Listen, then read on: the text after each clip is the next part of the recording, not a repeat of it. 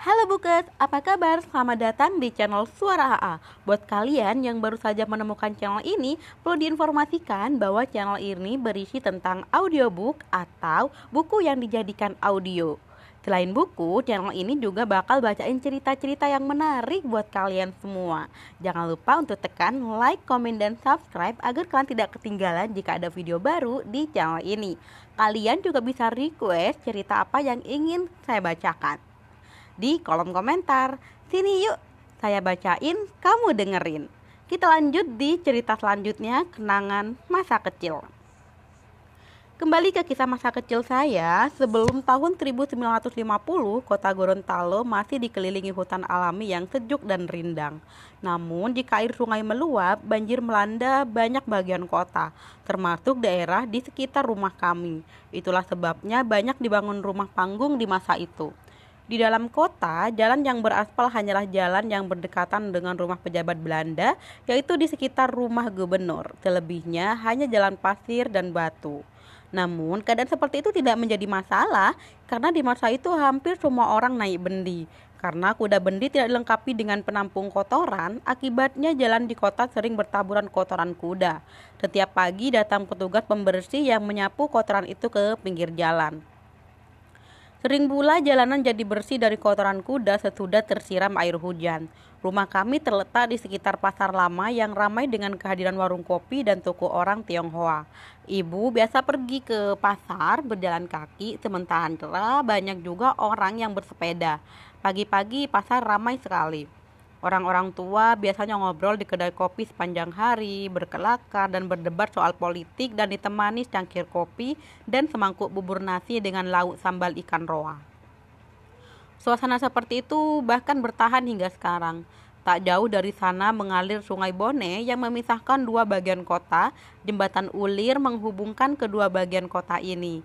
Tiang-tiang jembatan ini dipancarkan atau dipancangkan ke dalam tanah di pasar sungai dengan memutarnya seolah mengikuti ulir pada sekrup.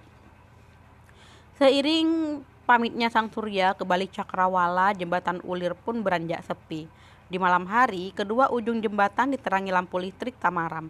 Hanya orang-orang yang mengendari sepeda lewat di sana. Nani Wartabone Danau Limboto ketika itu masih cukup dalam, sekitar 20 meter, sehingga pernah ada pesawat terbang amfibi Dornier Catalina yang dapat mendarat di sana. Pesawat itu membawa Presiden Soekarno pada tahun 1951 ke Gorontalo sebagai daerah yang pertama kali dikunjungi oleh Presiden Republik Indonesia. Alasan dari kunjungan Presiden ke Gorontalo adalah untuk menghormati Nani Wartabone, pahlawan dari Gorontalo. Jauh sebelum proklamasi kemerdekaan Indonesia pada tahun 17 Agustus pada tanggal 17 Agustus 1945, Gorontalo sudah menyatakan diri merdeka pada 23 Januari 1942. Pada masa itu Jepang telah mendarat di Pulau Jawa tetapi belum sampai ke Gorontalo, sementara Belanda sudah menyelamatkan diri. Pada saat semua orang belum berani berbuat apa-apa, Nani Wartabone justru bertindak cepat dengan dukungan para pejuang setempat yang kemudian dikenal dengan Gerakan 23 Januari 1942. Dia melaksanakan aksinya Ajakan Nani Wartabone untuk mengibarkan bendera merah putih diikuti oleh cukup banyak pendukungnya. Ketika bendera telah berkibar sejak 23 Januari, Jepang baru mendarat pada bulan Juni dan masuk ke Gorontalo dengan kapal perang. Sementara Nani Wartabone hanya bersenjatakan senapan berburu. Gerakan nasionalis terpaksa menyerah, Nani Wartabone tertangkap dan dipenjarakan bersama orang-orang Belanda yang masih tinggal di sana. Peristiwa itu selalu dirayakan di Gorontalo. Ketika Indonesia telah merdeka sepenuhnya, kejadian itu belum pernah mendapat pengakuan secara nasional. Pengalaman saya melihat pesawat Catalina mendarat di Danau Limboto itu meninggalkan kesan yang amat dalam. Pesawat yang membawa Presiden Soekarno itu diterbangkan oleh pilot-pilot Belanda saya sangat kagum melihat pilot-pilot Belanda itu keluar dari kokpit pesawat dengan mengenakan tutup kepala dan jaket yang terbuat dari kulit. Mirip gambaran penerbangan dalam film tentang perang dunia pertama. Ketika itu pesawat terbang belum dilengkapi sistem pendingin udara. Diam-diam saya perhatikan sikap mereka ketika makan di sebuah pojok benda di sebuah pojok bandara di mana saya mereka tampak gagah sekali. Sejak saat itu saya memendam cita-cita menjadi pilot kelak ketika dewasa. Di masa kecil, saya paling senang bermain kapal terbang. Kursi saya balik-balikan dan saya susun seperti pesawat terbang. Adik-adik saya suruh duduk di belakang sebagai penumpang, sementara saya duduk di depan sebagai pilotnya. Ayah dari ibu saya bekerja sebagai pegawai pemerintah Belanda yang berlawanan dengan Nani Wartabone. Oleh sebab itu, sebagai pegawai negeri, ayah saya dianggap antek Belanda. Jabatan beliau pada waktu itu adalah Jogugu semacam Wedana yaitu kepala pemerintah daerah yang menguasai seluruh wilayah Gorontalo. Kadang saya diajak ayah ke hutan. Beliau memimpin gerakan penanaman bibit jati. Beliau mengumpulkan para kepala kampung dan menggerakkan rakyat untuk bekerja bakti di hutan di kawasan Kuandang. Masih jelas terbayang saat itu di bawah sinar atau siraman hujan rintik-rintik. Seusai beramai-ramai menanam jati di tengah hutan, kami menyembelih kambing dan berpestaria makan sate bersama. Sayangnya di kemudian hari saya dengar hutan jati itu habis dibabat oleh pemerintah daerah waktu itu, Sulawesi Utara, untuk mengumpulkan dana pembangunan daerah. Saya bersekolah di sekolah rakyat yang hanya memiliki tiga kelas. Letaknya tidak jauh dari rumah dan perjalanan ke sekolah dapat ditempuh dengan berjalan kaki tanpa sepatu. Pergi ke sekolah pun saya hanya mengenakan celana pendek yang diikat dengan pelepah pisang. Dan pelepah pisang kering itu dijadikan ikat pinggang. Ketika itu bahkan ada kepala sekolah rakyat yang tidak memakai alas kaki di sekolah. Berbeda dari kami yang masih kecil, sekelompok kakak saya yaitu anak-anak SMP pada masa itu diangkut untuk bersekolah ke Tomohon, Manado. Ketika itu Fred yang berusia 12 tahun bersama teman-temannya berjumlah kurang lebih 40 orang dibawa ke Manado dengan kapal Jepang. Setelah menempuh dua hari pelayaran, mereka kemudian dibawa dengan truk Tomohon kira-kira 25 km ke arah utara. Mereka dididik di Cunggako dengan gaya militer yang keras. Mereka baru kembali ke Gorontalo ketika sekutu mulai menyerang dan Jepang tidak lama lagi kalah. Karena beda usia, saya sekitar 7 dan 5 tahun dengan kedua kakak saya, Fred dan Ili, saya jarang bermain bersama mereka. Apalagi waktu itu mereka bersekolah di sekolah Belanda atau ILS.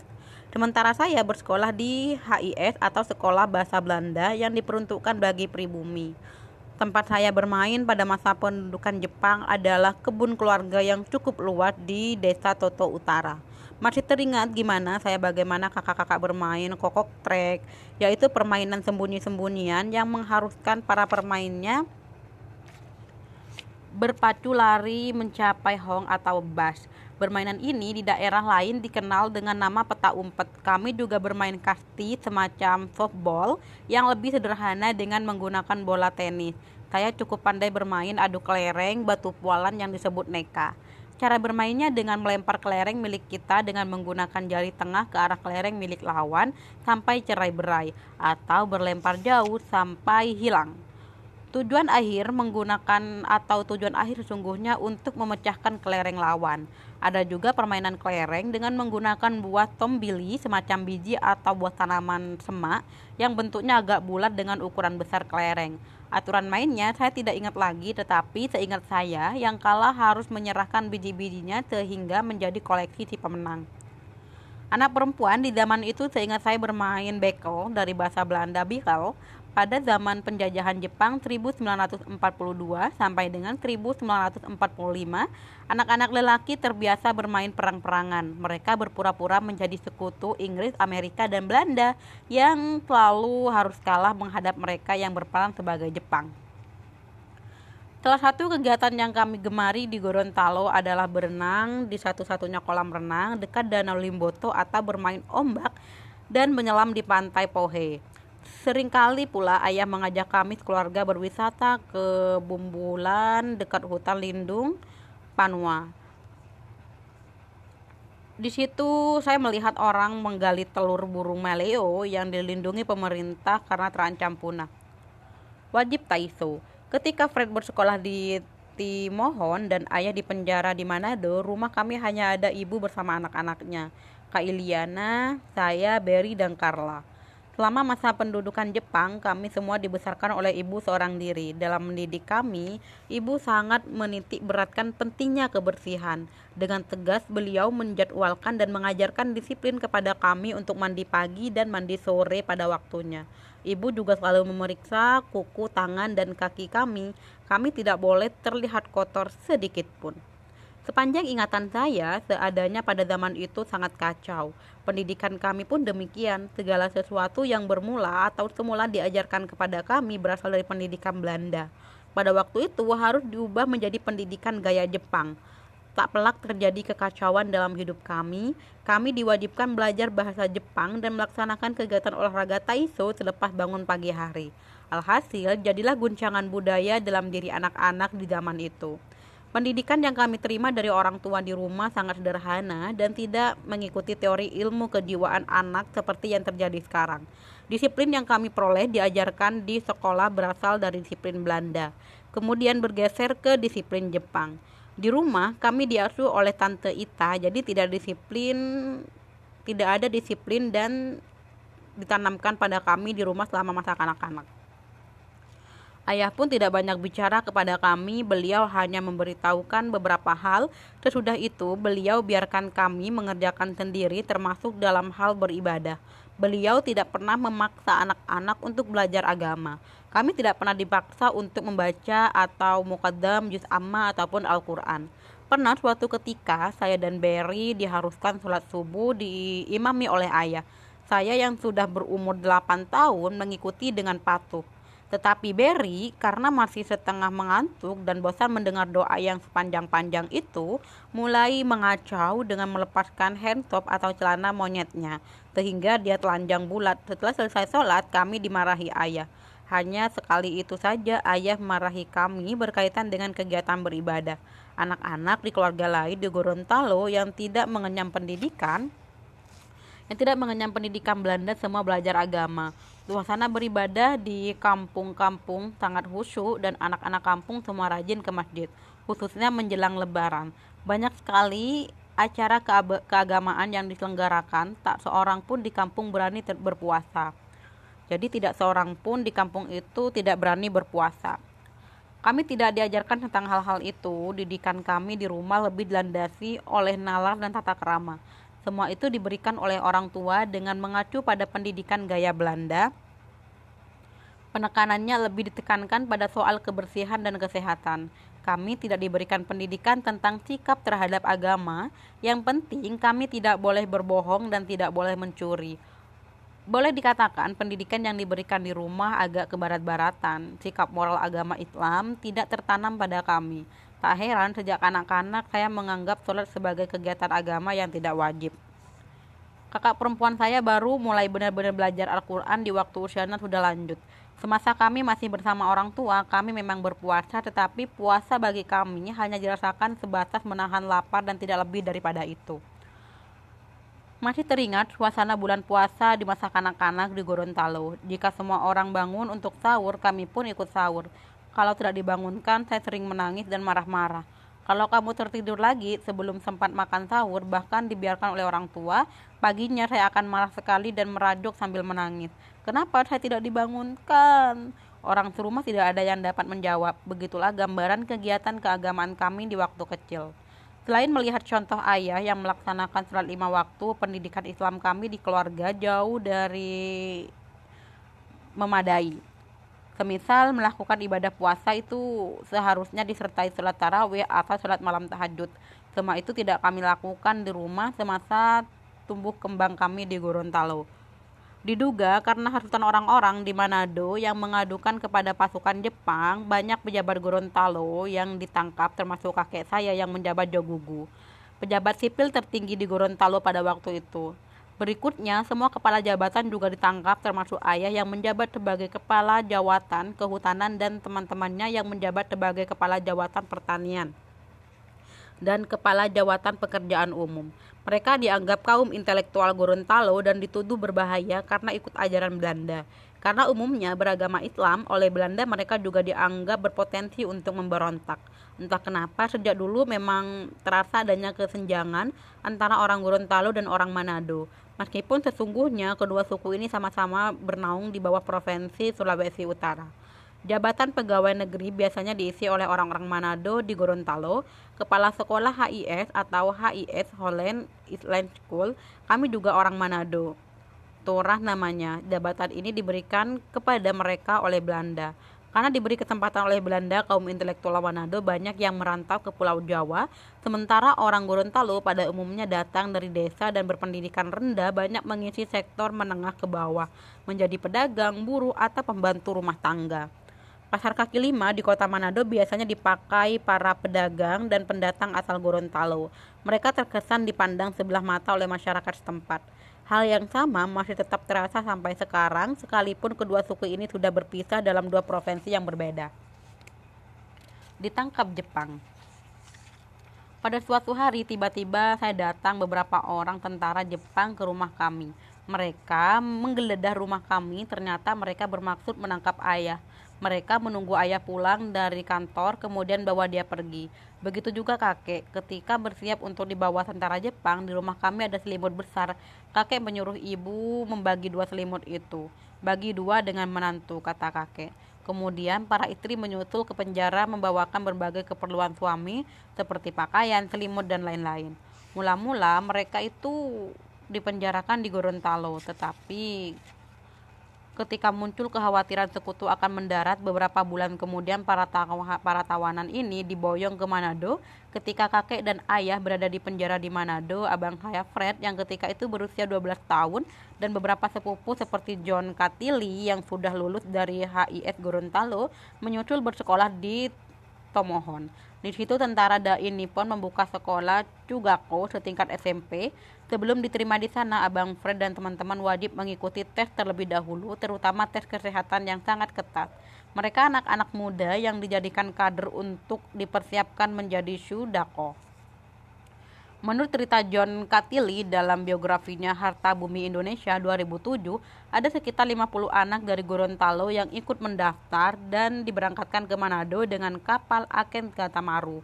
Selama perjalanan dua hari dua malam itu, para siswa yang tidak memakai sepatu dan hanya berbekalkan pakaian yang melekat di tubuh mereka disuruh bekerja membersihkan kapal, diikuti kata-kata makin bagero, para serdadu Jepang dari Manado. Mereka diangkat dengan truk sejauh 25 km ke kota Tomohon yang berudara dingin.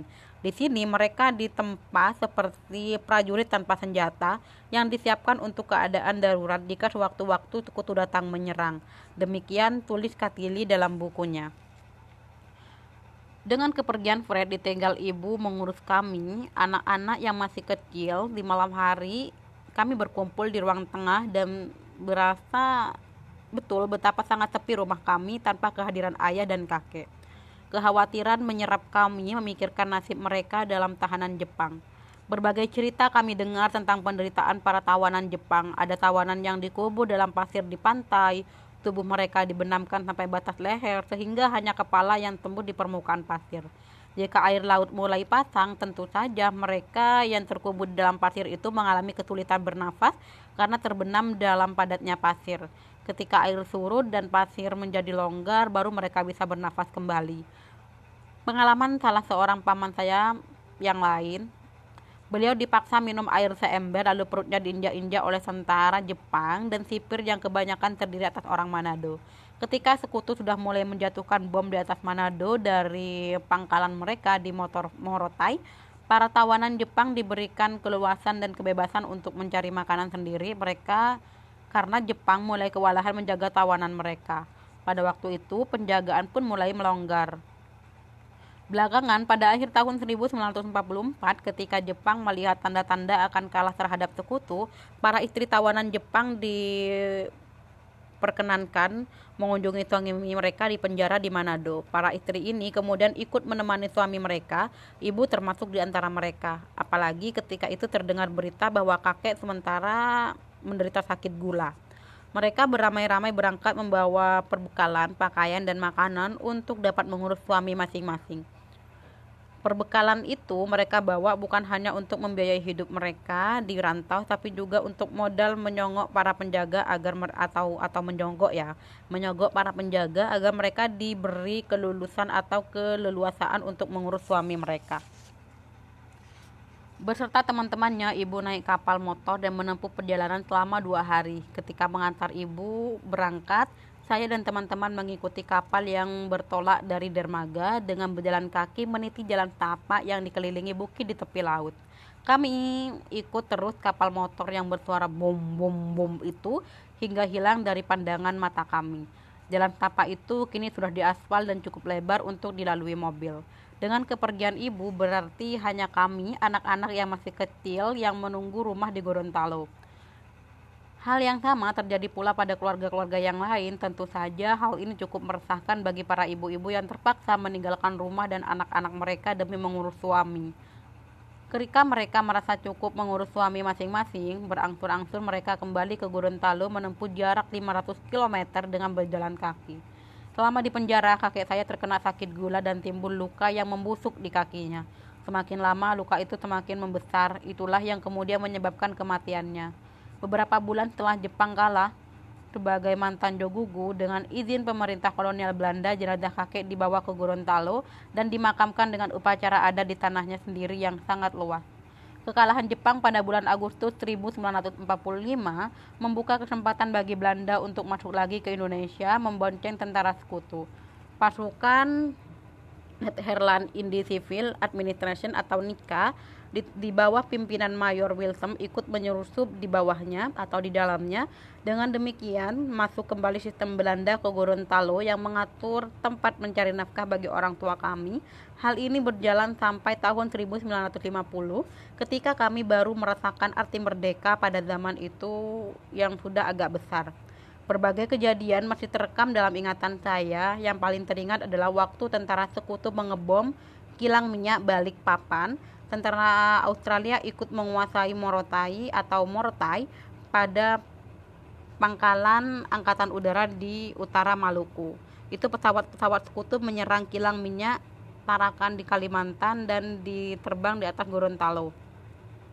Mereka mulai menembak dan mengebom kami dan kami mengungsi ke perkebunan di Desa Toto Utara. Setiap kali mendengar suara pesawat musuh kami masuk ke lubang perlindungan bawah tanah yang ditutup dengan batang kelapa, saya sangat terkejut ketika tanah bermain perahu di kali kecil yang terletak 100 meter dari rumah.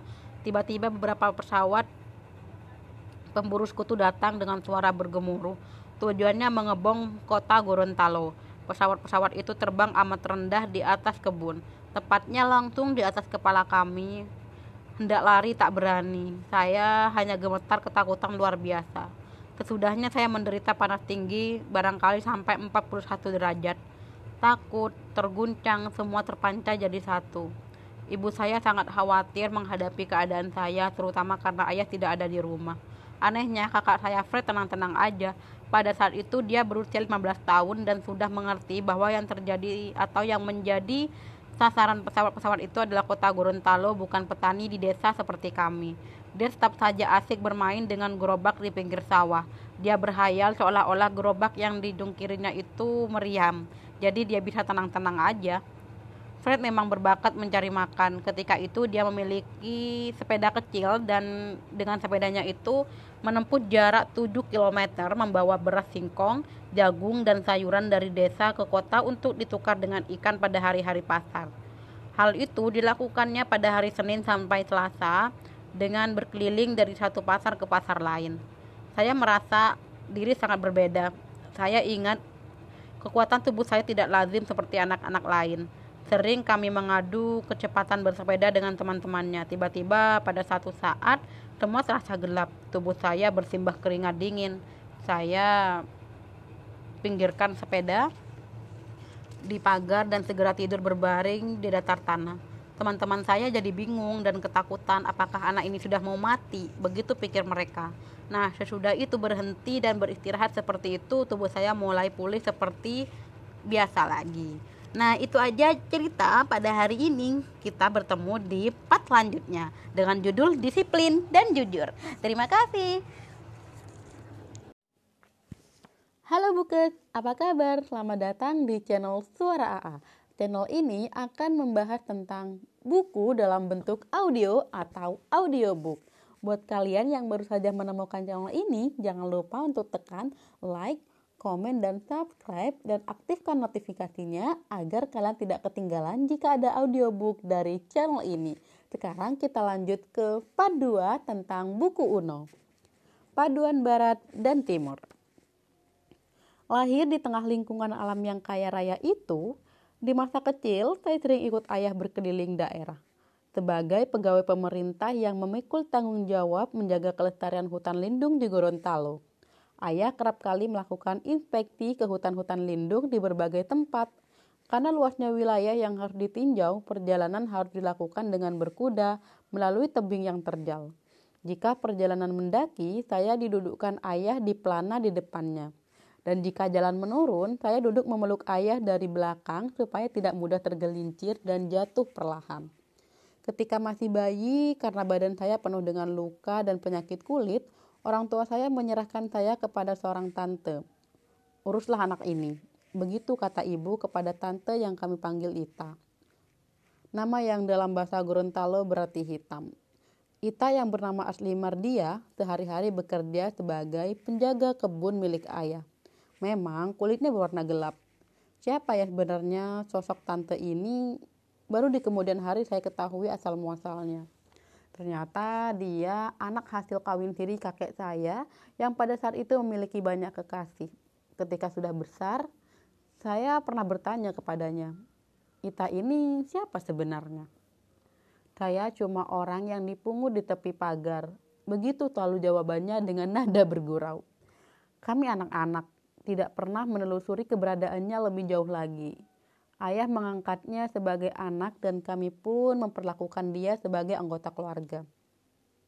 Kenyataannya dia sayang sekali pada saya sehingga saya merasa lebih dekat dengan dia daripada orang tua saya sendiri. Dalam asuhan dia, saya dibawa berobat ke mana-mana termasuk ke dukun. Kepala saya dilaburi ludang sang dukun yang mengunyah berbagai ramuan. Berhari-hari kemudian kepala saya dibungkus kain flanel dan baru dibuka setelah semuanya mengering. Pandai doa. Saya berasal dari keluarga yang termasuk golongan kelas menengah.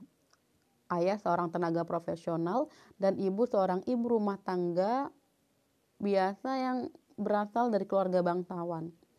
Ayah berasal dari keturunan cendekiawan yang dihormati masyarakat karena penguasaan mereka tentang ajaran agama Islam kakek dari pihak ayah bernama Alexander Uno yang acap kali dipanggil Sander Uno.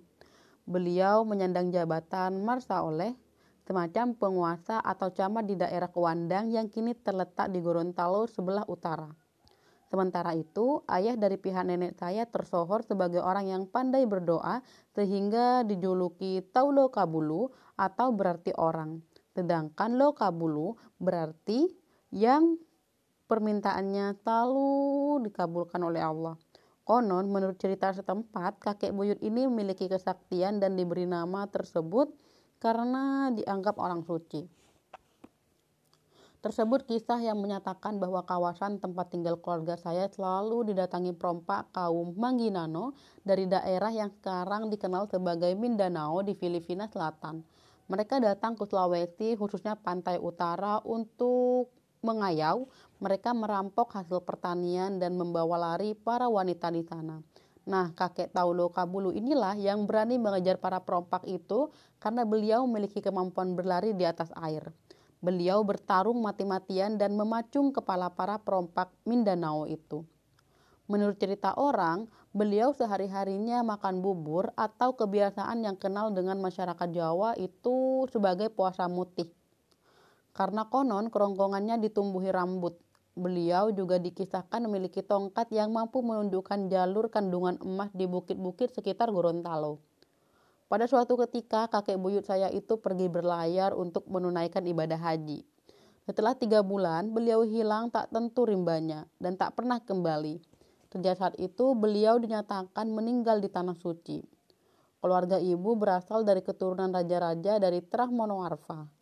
Pada sekitar tahun 1800-an, daerah ini diperintah oleh Raja Zainal Abidin Manoarfa yang disapa, yang disapa Tato Karetahulawa.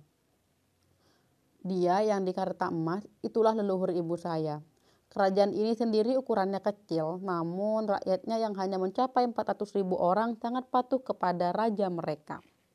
Sebelum masa penjajahan, Gorontalo terdiri atas beberapa kerajaan yang tergabung dalam satu ikatan kekeluargaan yang disebut Pohalaah dan diatur menurut hukum adat ketatanegaraan Gorontalo. Di Gorontalo terdapat dua kerajaan utama dan 17 kerajaan yang lebih kecil. Para raja dari 17 wilayah yang lebih kecil ini bermusyawarah dalam menyelesaikan masalah di antara mereka. Namun, merujuk kepada keputusan kedua raja besar yaitu keluarga Raja Oli dan Limboto dan keluarga Raja Monoarfa yang berkedudukan di wilayah yang sekarang dikenal sebagai kota Gorontalo. Dua raja ini mengadakan perjanjian yang ditulis dalam bahasa Gorontalo ditentukan di dalamnya antara lain mengenai penggunaan nama daerah yang harus selalu menyebut kedua nama kerajaan Limboto dan Gorontalo atau Gorontalo dan Limboto. Demikianlah semua kerajaan dengan relasi hingga saat pemerintah Hindia Belanda masuk ke daerah ini dan mengubah segalanya. Berbeda dari kerajaan di Jawa yang masih bertahan dan dipelihara dengan kuat. Kerajaan di Gorontalo karena ukurannya yang kecil menjadi tidak berdaya dan akhirnya patuh saja kepada pengusaha atau penguasa. Sistem kerajaan di daerah ini bertahan hanya sampai masa kakek Rais Monoarfa yang merupakan keturunan terakhir raja-raja bermarga Monoarfa yang masih bertahan. Pada akhir abad ke-19, Belanda menghapus sistem kerajaan di daerah ini dan menggantinya dengan organisasi pemerintahan seperti yang kita kenal kemudian dengan adanya jabatan seperti bupati, wedana, lurah, dan seterusnya. Pada masanya, status raja diubah menjadi patila atau raja penguasa bertingkat atau setingkat mangku bumi yang selanjutnya disebut dengan Jogugu. Fungsinya adalah sebagai kepala daerah untuk wilayah Gorontalo dan sekitarnya. Selain itu, sebagai penguasa, menurut hukum adat jika dia bertindak sebagai kepala adat dan menjadi hakim yang mengadili warga pribumi dengan kewenangan mutlak. Dengan diberlakukannya hukum adat itu, maka Gorontalo termasuk dalam 19 wilayah adat di Indonesia. Di daerah ini, agama dan adat menyatu dengan istilah adat bersendikan syara dan syara. Bersendikatan di tabullah ada macam ketabutan bahwa pemerintah Hindia Belanda tidak berhak mengadili warga pribumi. Di sini tidak berlaku hukum pidana yang berasal dari hukum Belanda dan KUHP hanya berlaku untuk perkara besar. Saya sempat kenal kakek Rais Monwarfa ini. Beliau baik hati, tetapi memancarkan kesan tegas sehingga disegani orang. Kakek terbiasa bangun pagi-pagi untuk mengawasi kebun miliknya yang terletak 7 km dari luar kota. Setelah sholat subuh, saat suasana masih temaram, beliau berangkat naik bendi. Ketika itu berlaku peraturan bagi setiap bendi untuk memasang lampu tempel berisi minyak tanah di sisi kiri dan kanan bendi. Pada salah satu kunjungan kelilingnya, dalam cahaya remang-remang itu beliau berpapasan dengan bendi lain yang berlari tanpa penerangan lampu. Dia berhak menghentikannya. Hei Uti, kenapa kamu tidak pakai lampu? Begitu tegurnya. Uti adalah panggilan yang umum digunakan di Gorontalo untuk menyapa laki-laki. Oh, ini tadi baru saja mati, kehabisan minyak. Jawab orang di atas bendi itu. Tentu kakek tidak percaya begitu saja. Ini peraturan. Demikian ujar kakek Rais sambil meraba lampu pada bendi orang itu. Eh, jangan bohong kamu. Lampu ini sudah lama mati karena sudah dingin, kata kakek pula. Orang itu pun dibawa ke kantor dan besoknya dijatuhkan hukuman penjara sekian hari atau dikenai denda. Kakek dari pihak ayah juga orang terpandang, meskipun tidak dapat dikatakan orang kaya. Laki-laki dalam keluarga ini lebih dikenal karena keahlian merayu hingga mempunyai istri di mana-mana. Hal tersebut mudah terjadi pada penjabat yang melakukan tugas keliling ke daerah-daerah terpencil, di mana-mana mereka dapat saja melakukan kawin siri. Sedemikian mudahnya, sehingga bahkan cukup dengan mengusap dahi seorang gadis. Perkawinan sudah dianggap sah. Saya bahkan masih sempat melihat adanya budak belian yang bersedia dipukul dan diperlakukan semau-maunya oleh majikannya. bagaikan langit dan bumi. Ayah saya bernama Abdul Uno, biasa dipanggil Dul oleh kawan-kawan beliau. Beliau belajar di Sekolah Pertanian Middlebury Land and Westwood School atau MSBS di Bogor. Di masa itu sangat sedikit orang Indonesia yang dapat bersekolah dan tamat MLBS untuk menjadi insinyur pertanian. Seseorang harus bersekolah di negeri Belanda, meskipun demikian, dari sekolah itu ayah bahkan mendapat dua ijazah, masing-masing untuk bidang kehutanan dan pertanian. Satu-satunya adik laki-laki ayah meninggal pada usia muda ketika flu pandemik yang disebut Spanish Grippe atau flu Spanyol. Belanda seluruh dunia pada tahun 1918. Ketika itu belum dikenal adanya aspirin dan di kampung orang hanya mengandalkan jamu berupa rempah-rempah. Beruntunglah ketika itu ayah bersekolah di Bogor sehingga terhindar dari serangan penyakit ini. Tentang hal itu beliau secara berseloroh selalu berkata, saya banyak merokok, jadi flu tidak berani masuk ke badan saya. Kebiasaan merokok itu kemudian berlanjut pada kakak sulung saya. Pada akhir tahun 1920, pekerjaan di bidang kehutanan membawa ayah berkeliling Pulau Jawa, terutama di kawasan hutan jati di Jawa Tengah dan Jawa Timur. Taat beragama dan angkuh. Sebagai orang yang bersekolah di seberang, di Pulau Jawa, Abdul Uno menjadi incaran untuk dijadikan menantu oleh orang-orang tua yang mempunyai anak gadis di kampung termasuk di antaranya kakek Rais Manwarfa yang dari istri pertamanya kakek Boki Zainab Katili mempunyai seorang anak gadis bernama Ruwaida Intan yang sehari-harinya dipanggil Ida. Ruwaida bersekolah sampai kelas 6 di Europe Language School atau ILS atau sekolah dasar. Ketika mendengar akan dijodohkan dengan Abdul Uno, ibu menolak sambil menangis. Tetapi setelah berbagai bujukan, akhirnya ia berhasil melunakkan hati ibu. Pada tahun 1929, ibu dinikahkan dengan ayah dengan sedikit paksaan. Setelah menjadi istri Abdul Uno, ibu segera dibawa oleh ayah pergi merantau ke tempat-tempat yang jauh. Itu memang taktik ayah untuk menaklukkan hati ibu. Bahkan ketika akan naik ke kapal pun ibu masih menolak dibawa pergi. Ayah yang masih bertugas di Jawa kemudian memboyong ibu saya ke berbagai tempat seperti Rambi Puji dan Randu Balatung. Ternyata taktik ayah berhasil karena kemudian ibu sangat setia menemani beliau.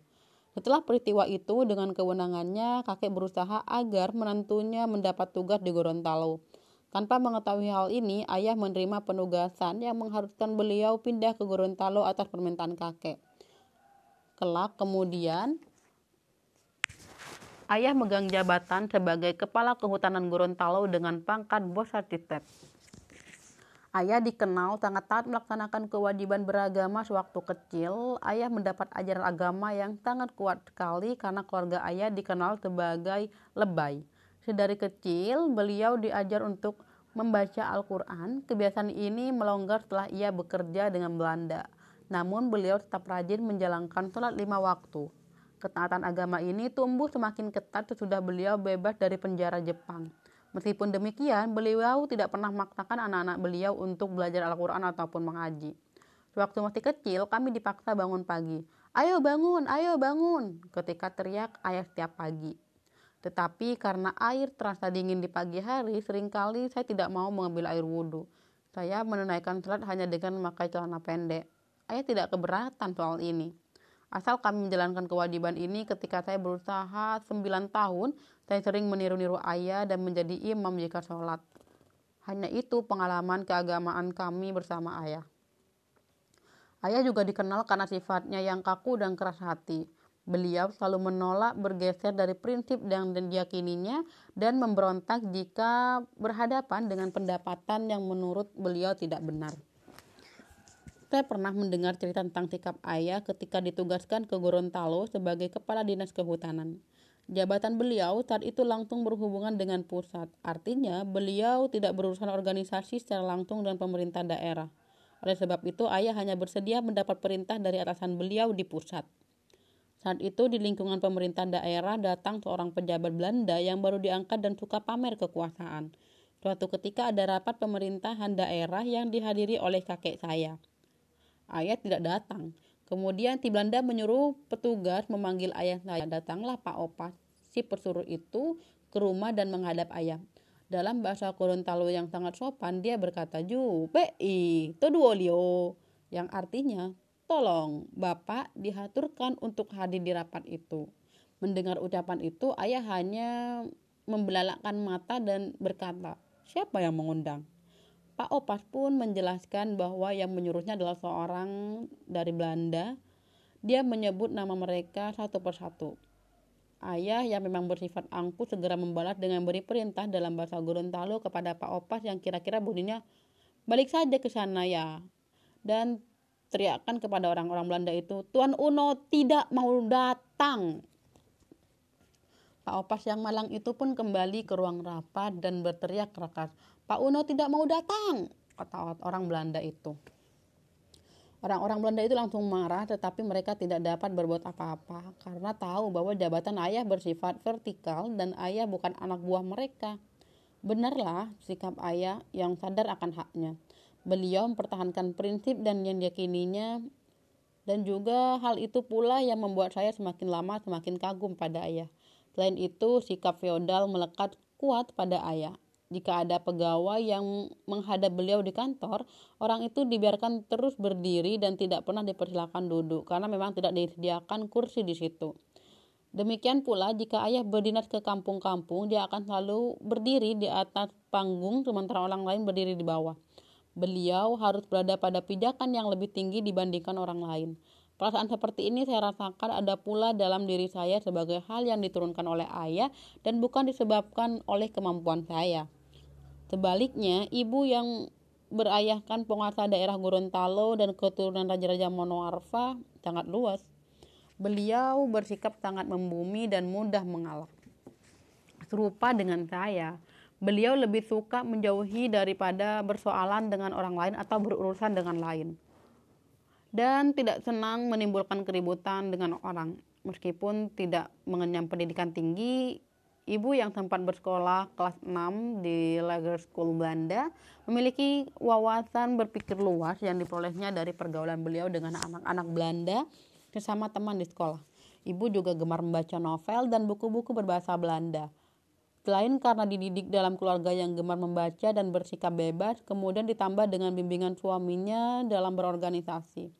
Ibu kemudian mulai tertarik membantu perjuangan mempertahankan kemerdekaan bersama beberapa orang wanita asal Gorontalo. Ibu melibatkan diri dalam pendirian organisasi Gerakan Kebangsaan Wanita atau Gerkiwan dengan menghimpun dana dari rakyat yang dikumpulkan dari kampung ke kampung serta sumbangan dari pejabat-pejabat Belanda yang bersimpati. Pada tahun 1948, mereka berhasil membangun gedung Balai Pertemuan yang kini dikenal sebagai Gedung Nasional pada tahun 1948. Meskipun di saat itu Gorontalo masih berada di bawah penjajahan Belanda. Masih teringat suatu ketika saya menegur ibu karena merasa keberatan melihat beliau meminta-minta. Meminta-minta layaknya seorang pengemis, tetapi ibu tidak pernah merasa malu karena kegiatannya itu. Setelah beliau wafat oleh golongan adat, beliau dianugerahi gelar Lalo Humula Papolutialopilo yang berarti putri terbaik bangsa yang turut serta dalam perjuangan merebut kemerdekaan. Banyak makan. Keluarga dari kedua orang tua saya memang berbeda. Bagai langit dan bumi, keluarga ayah yang ahli agama termasuk kurang berada. Sementara ibu berasal dari keturunan orang kaya yang memiliki banyak harta dan tanah luas. Lalu ada saja bahan kelakar antara ibu dan ayah. Menurut ibu, memang para ahli agama keturunan lebay itu pandai membaca Al-Quran tetapi mereka miskin dan selalu kelaparan. Makan jadi makannya banyak gitu. Demikian ejek ibu. Kalau diundang kenduri, makannya banyak sekali. Sebaiknya ayah membalas dengan lelucon bahwa keturunan raja-raja dalam keluarga ibu itu bodoh karena perkawinan antara anggota keluarga dekat yang memikirkan negara cuma kami, sementara kalian cuma punya kekuasaan tetapi isinya tidak ada. Demikian ujar beliau sambil menunjuk ke kening. Itulah salah satu kelakar yang kelap kali kami dengar antara ayah dan ibu. Keluarga kami boleh dikatakan hidup berkecukupan meskipun tidak dapat dikatakan kaya raya. Di zaman pemerintahan kolonial Belanda, dari gajinya sebagai bos satitet, semacam kepala kehutanan daerah, ayah mampu membeli mobil, ibu pun dengan berbekalkan pemberitahuan atau pemberian dari orang tuanya dapat mengenakan perhiasan dan pakaian yang cukup pantas. Dalam hal pendidikan, orang tua kami menganggap pendidikan barat lebih unggul dan cocok bagi kami. Anak-anak mereka oleh sebab itu kami dimasukkan ke sekolah Belanda. Ketika itu secara tersirat ada semacam kesepakatan dalam keluarga kami untuk tidak memakai nama yang berbau Islam dengan alasan agar kami dapat dengan mudah mendapat pendidikan di sekolah-sekolah Belanda. Kami semua enam bersaudara, empat laki-laki dan dua perempuan.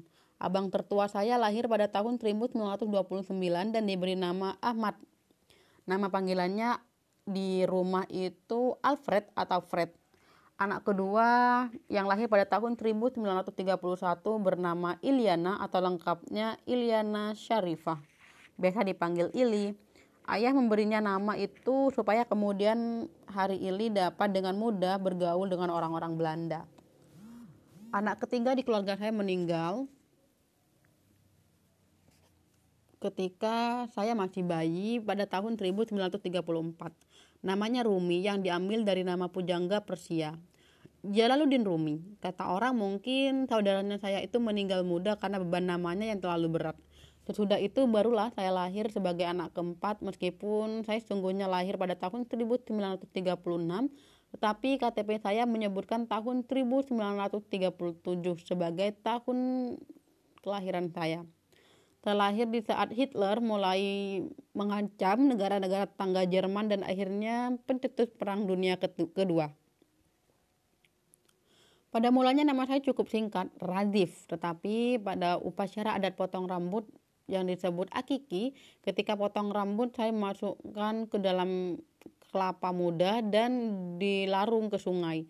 Nama saya ditambah dengan nama lain Halik, sehingga nama lengkap saya menjadi Radik Halik. Saya kemudian dipanggil dengan nama kecil Heng atau Hengki. Setelah saya lahir adik saya Bahrum Uno yang dipanggil Bari dia boleh dikatakan kambing hitam dalam keluarga karena kenakalannya. Menyusul kemudian, adik bungkus saya, seorang adik perempuan yang lahir ketika Jepang tidak lama kemudian masuk ke Gorontalo dengan kapal perang. Ia diberi nama Carla, Carla Karsum, dan biasa kan panggil adik. Ya, begitulah. Pujangga Shakespeare pernah mengatakan, Apalah arti sebuah nama karena bunga mawar sekalipun diberi nama lain tetap akan menebarkan semerbak harum yang sama. Tetapi bagi kami perbedaan pemakaian nama memberi dampak yang sangat berbeda dengan menggunakan nama yang kebarat-baratan di waktu itu kami lebih mudah diterima di sekolah-sekolah Belanda. Menurut ayah, pendidikan Belanda akan memudahkan kami, anak-anaknya dalam memperoleh pendidikan untuk menjadi dokter ataupun sarjana hukum master in the certain. Sementara itu, pendidikan pesantren akan mengarahkan kami menjadi guru agama. Keterampilan kami berbahasa Belanda juga membawa manfaat dalam pergaulan di masa itu, terutama dalam berteman dengan anak-anak Belanda untuk dapat lebih mudah diterima di sekolah-sekolah Belanda. Kami sengaja tidak menggunakan nama Islam kami. Tetapi tidak semua orang Gorontalo melakukan hal yang kami lakukan. Hanya orang tua yang bekerja dengan pemerintah menunjukkan kecenderungan pemakaian nama yang kebarat-baratan. Mereka juga termasuk kaum elit dan golongan menengah yang bersedia bekerja sama dengan Belanda. Meskipun mereka juga memiliki nama Islam, di depan nama mereka sering dibumbuhi nama barat atau yang terdengar ke barat-baratan. Pada generasi sesudah saya, muncul kembali kecenderungan di antara masyarakat Gorontalo untuk memakai nama-nama Islam. Di kemudian hari, nama panggilan saya Heng. Sering menimbulkan pertanyaan jika dikaitkan dengan nama asli saya Radif Halik yang terkesan sangat islami. Nah, itu aja part kedua. Sampai berjumpa di part ketiga. Terima kasih.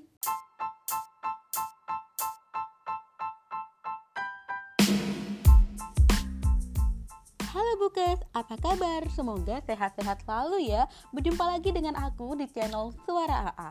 Channel ini berisi tentang audiobook. Audio ini juga bisa kalian dengarkan di Anchor maupun Spotify atau kalian juga bisa mendengarkan lewat channel ini. Kita lanjut di kisah selanjutnya tentang disiplin dan jujur.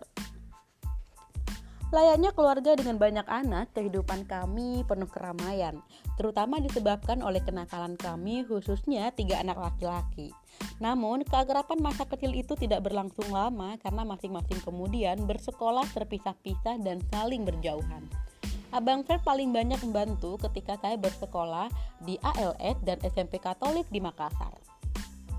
Dia bersekolah di MLBS yang kompleknya sangat dekat dengan rumah kos saya. Pada hari Minggu, saya sering diajak nonton pertunjukan matine, pemutaran film di tengah hari. Secara akademis, Fred tidak menonjol. Bahkan pernah saya membantu dia sebagai kurir yang meneruskan contekan dari temannya yang pandai. Ketika ujian, Fred pura-pura mengasah pensil keluar jendela sambil menjatuhkan kertas soal yang tidak dia kuasai. Saya menunggu di bawah jendela, kemudian bawa kertas itu dan menyerahkannya kepada seorang teman Fred yang pandai, yang siap di luar kelas.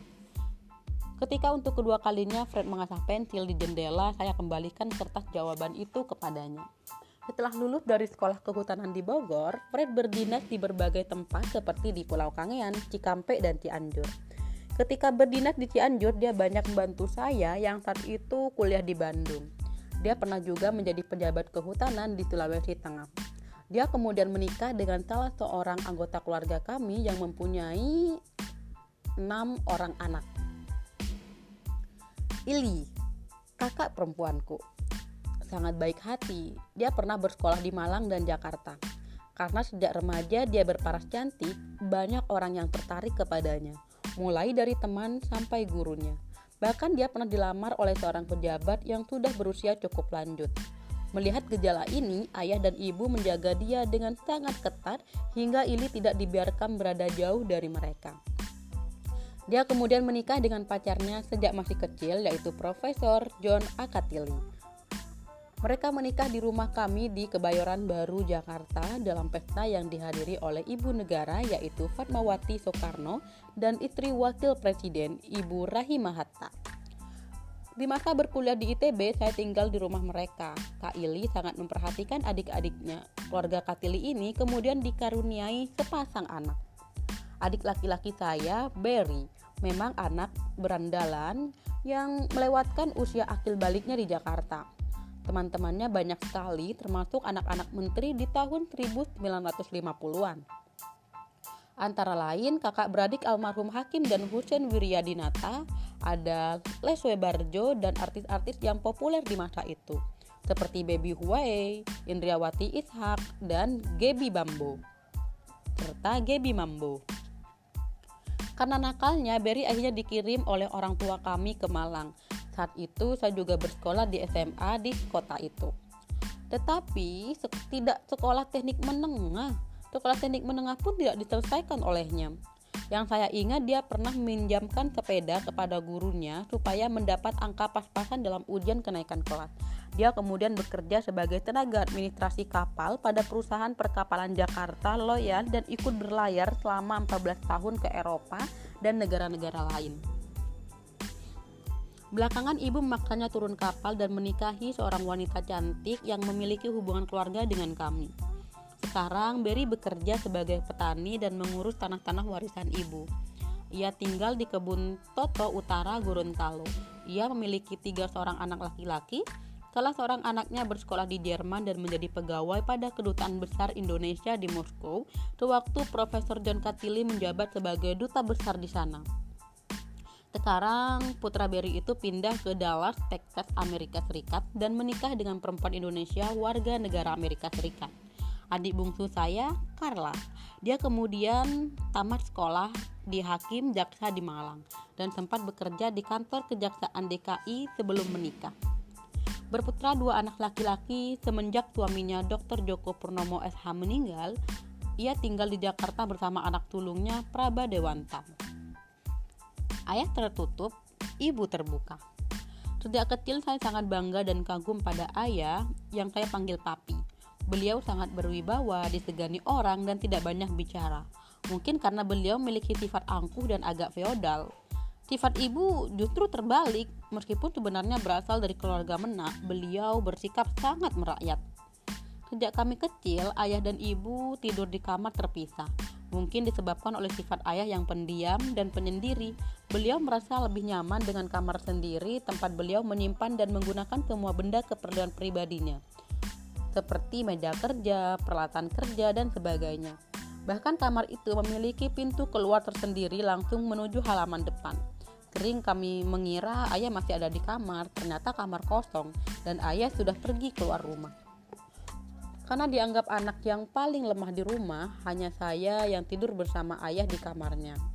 Ibu bersama Kak Ili dan kedua adik, Berry dan adik. Tidur di kamar lain yang berukuran lebih besar, sedangkan abang Fred yang sudah lebih besar tidur di kamar sendiri. Bila sudah tiba waktu untuk tidur, ayah menyuruh saya naik ke tempat tidur. Beliau memasangkan kelambu, memeriksa kalau nggak ada nyamuk dan juga mematikan lampu. Dalam keadaan gelap seperti itu, saya biasanya merasa takut dan menutup wajah dengan telapak tangan. Seringkali cukup lama saya baru pulas dengan tangan bersimbah keringat. Sementara itu, ayah telah keluar kamar melalui pintu ke halaman depan. Walau tidak banyak bicara, ayah sering mengajak saya keluar masuk hutan karena waktu kecil saya sering sakit-sakitan. Ayah menganggap perjalanan di hutan berdampak bagi kesehatan saya. Supaya menghirup udara segar, begitu kata ayah. Sebagai kepala jawatan kehutanan di Gorontalo, beliau telah bertugas meninjau hutan-hutan di kawasan itu.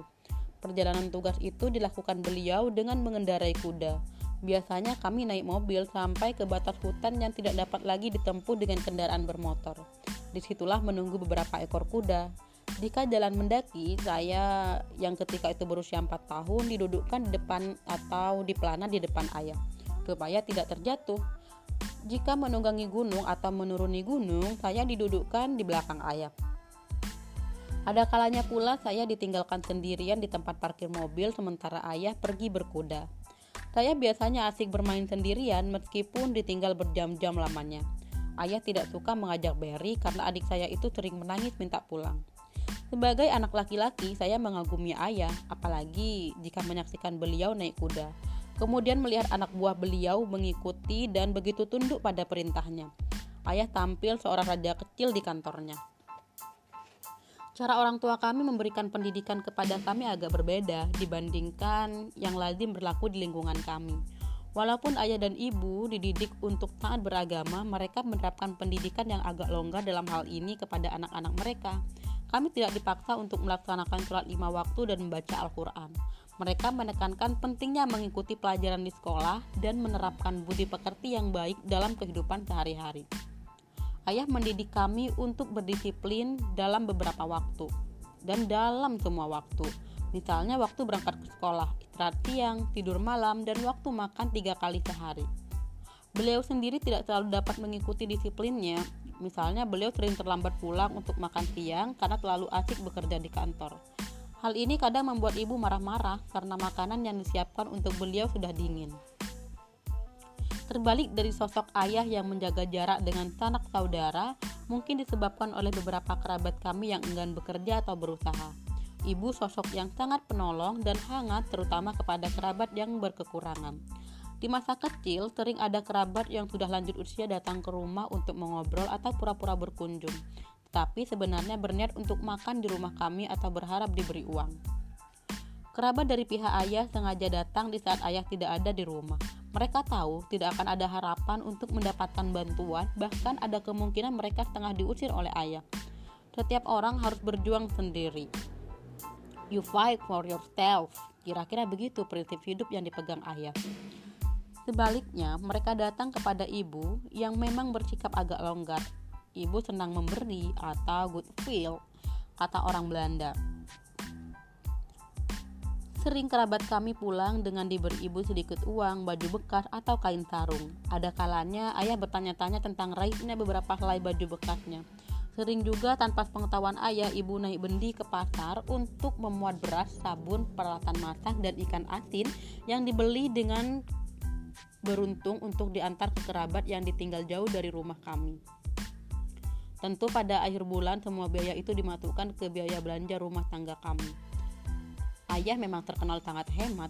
Menurut cerita ibu, jika kemeja-kemeja ayah sudah lusuh pada bagian leher, maka ayah akan minta ibu untuk membalikkan jahitannya atau menambal sedemikian rupa sehingga Sebagian yang usang tidak terlihat. Sifat pelit ini menurut dari ibunya.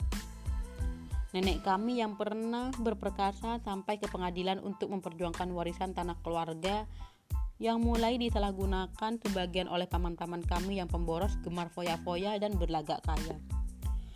Ibu perempuan sederhana yang mengenyam pendidikan hanya sampai tingkat ILS atau tingkat SD. Beliau sangat terbuka dan senang mengobrol.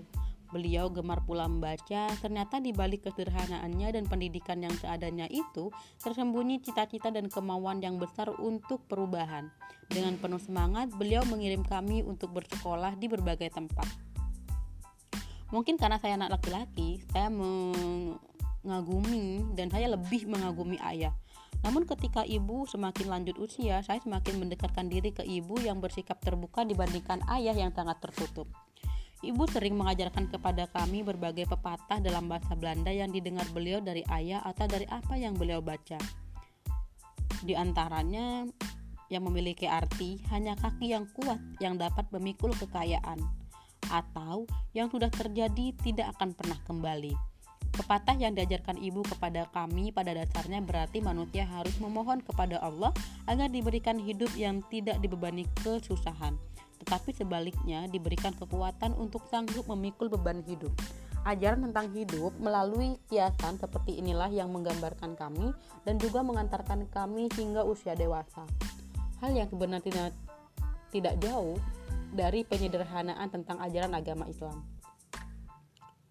Di samping sifat beliau yang agak kaku dan serius, ayah juga sangat tegas dan menegakkan kedisiplinan, termasuk di dalam keluarga. Saya tidak dapat lupa kejadian ketika suatu kali dihukum oleh ayah. Ketika itu kami tinggal di Makassar, ada seorang tante yang kami panggil Mama Kuandang, seorang janda yang usianya sangat lanjut usia dan berkeriput. Setiap kali datang dari Gorontalo, beliau selalu menginap di rumah kami. Suatu kali ketika Mama Kuandang datang, kamar tamu kami kebetulan sudah terisi oleh tamu lain. Meneer E, seorang guru Belanda. Waktu Mama Kuandang tiba, secara bergurau saya mengatakan Mama Kuandang tidur saja dengan Miner E. Kira-kira saat itu saya berumur 16 tahun. Saya merasa lelucon itu biasa saja dilontarkan kepada seorang tante yang berusia lanjut seperti beliau. Tetapi tentu ucapan saya membuat beliau sangat marah. Kamu kira Mama Kuandang pelacur ya? Begitu kata beliau sambil berteriak dan pergilah beliau untuk menginap di rumah keluarga lain. Sepulang dari kantor, ayah mendengar tentang kejadian itu dan langsung memerintahkan saya untuk pergi sendiri meminta maaf kepada Mama Kuandang. Saya pun pergi dan bersimpu di depan Mama Kuandang dan menangis minta ampun. Bagi saya itu hukuman berat yang pernah saya terima. Perasaan saya terhina, tetapi mungkin karena saya anak kesayangan ayah, saya dihukum hanya dengan cara itu. Rasa sakit hati lebih sakit karena ayah hampir tidak pernah menghukum secara fisik. Seingat saya, hanya Bang Fred yang pernah dipukul oleh ayah. Berwi pun tidak luput dari hukuman ayah. Adik saya yang ketika itu berumur 18 tahun dan duduk di kelas 2 STM, suatu ketika berjanji kepada ayah untuk mengantar seorang tante kerabat kami dengan mobil ke stasiun kereta api pada pukul 5 pagi. Ternyata pada malam sebelumnya, Berry begadang dengan teman-temannya. Dia tertidur di rumah temannya hingga lupa pada janjinya untuk pulang ke rumah pukul 11 malam. Karena Berry tidak pulang, terpaksa ayah yang mengantar tante itu pagi-pagi sekali.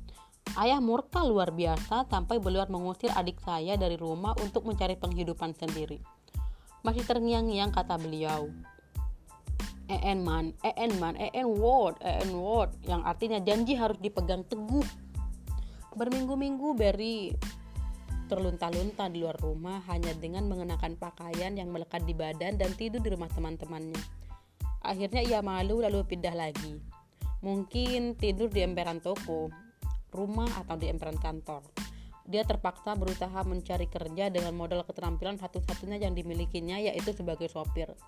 Dia mendapat pekerjaan menjadi sopir seorang konsultan perkapalan asal Amerika. Setelah dapat bekerja dengan bawa mobil, baru dia berani pulang dan memarkirkan kendaraan itu di depan mobil usang milik ayah di halaman rumah. Akhirnya dia itu berani pulang dan memarkirkan kendaraan itu di depan mobil usap milik ayah di halaman rumah kami di Jalan Galuh. Dia lalu mendapat pekerjaan sebagai sopir pada kedutaan besar Amerika Serikat yang bergaji lebih tinggi. Setelah uangnya cukup, ia pindah kerja ke kapal milik perusahaan pelayaran di Jakarta, Liot, selama 14 tahun. Setelah itu, salah seorang teman kerjanya adalah Bob Sadino yang kelak kemudian menjadi pemilik Kemcik. Saya mendapat pelajaran berharga dari sikap ayah yang tegas bahkan kepada anaknya sendiri. Membesarkan anak dengan disiplin dan ketegasan tanpa kepastian. Nah, itu aja cerita untuk hari ini.